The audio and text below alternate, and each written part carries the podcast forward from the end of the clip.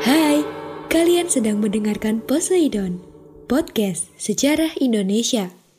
Ngomongin masa lalu dengan gaya masa kini.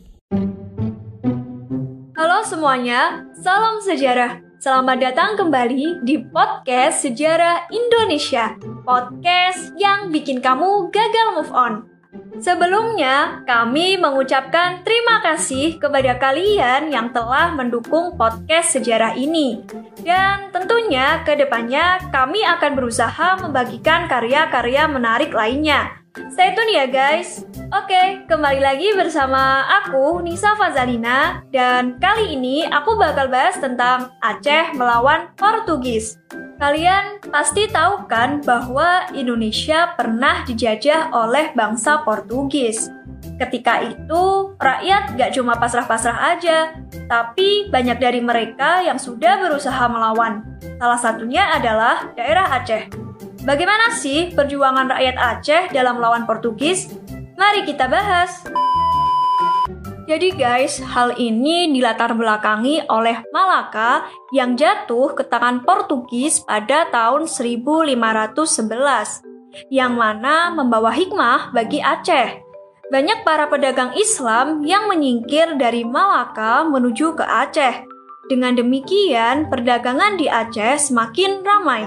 Hal inilah telah mendorong Aceh berkembang menjadi bandar dan pusat perdagangan. Perkembangan Aceh yang begitu pesat ini dipandang oleh Portugis sebagai ancaman. Oleh karena itu, Portugis berkehendak untuk menghancurkan Aceh. Pada tahun 1523, Portugis melancarkan serangan ke Aceh di bawah pimpinan Henry Guis dan menyusul pada tahun 1524 dipimpin oleh De Sousa.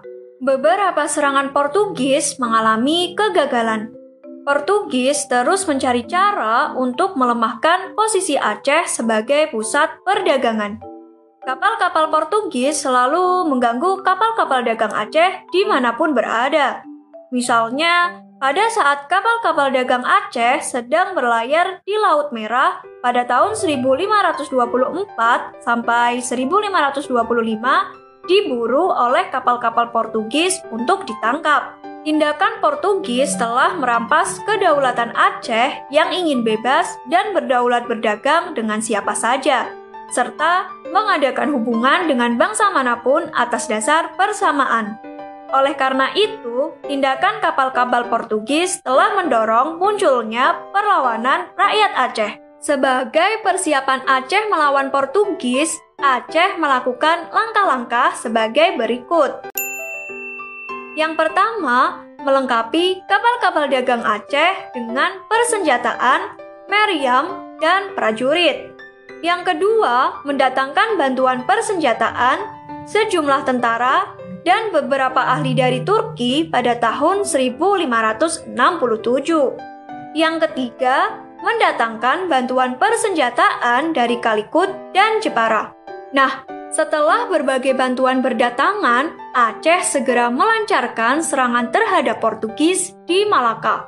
Portugis harus bertahan mati-matian di benteng Formosa. Portugis harus mengerahkan semua kekuatannya sehingga serangan Aceh ini dapat digagalkan. Sebagai tindakan balasan, pada tahun 1569, Portugis balik menyerang Aceh.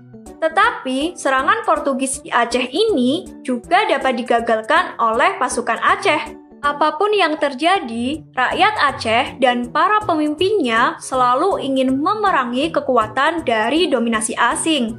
Oleh karena itu, jiwa dan semangat juang untuk mengusir Portugis dari Malaka tidak pernah padam.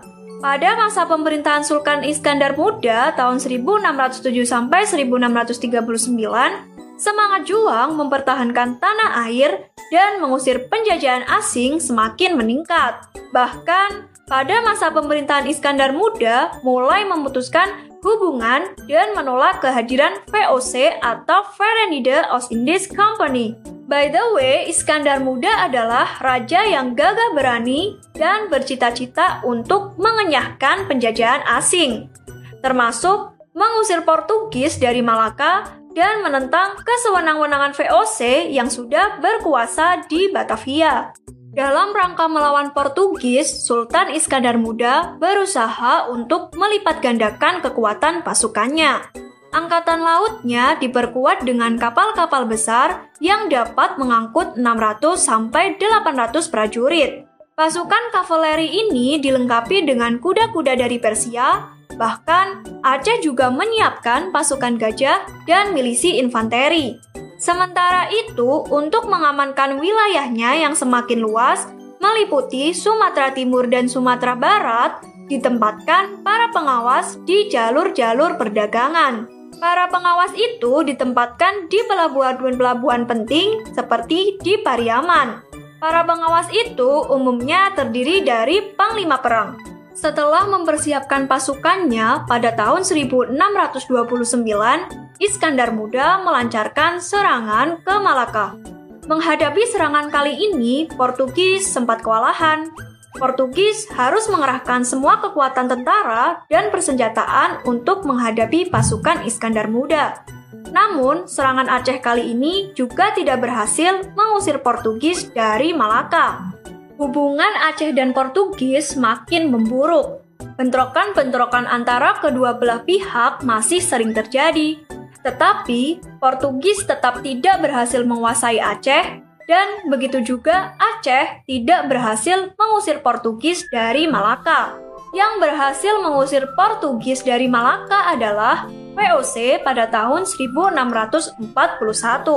Nah, demikian penjelasan mengenai rakyat Aceh melawan Portugis. Sekarang kalian tahu kan banyak hal yang dilakukan Aceh untuk melawan Portugis. Dan gak cuma sampai di situ, setelahnya Aceh masih terus berjuang melawan VOC hingga melawan pemerintahan Hindia Belanda yang berambisi menyatukan wilayah yang belum dikuasainya dengan istilahnya yang disebut Pax Nirlandika.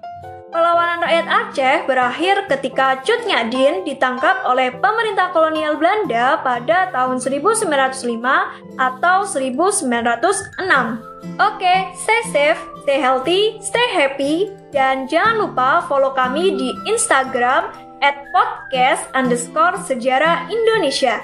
Terima kasih sudah mendengarkan dan sampai jumpa. Terima kasih.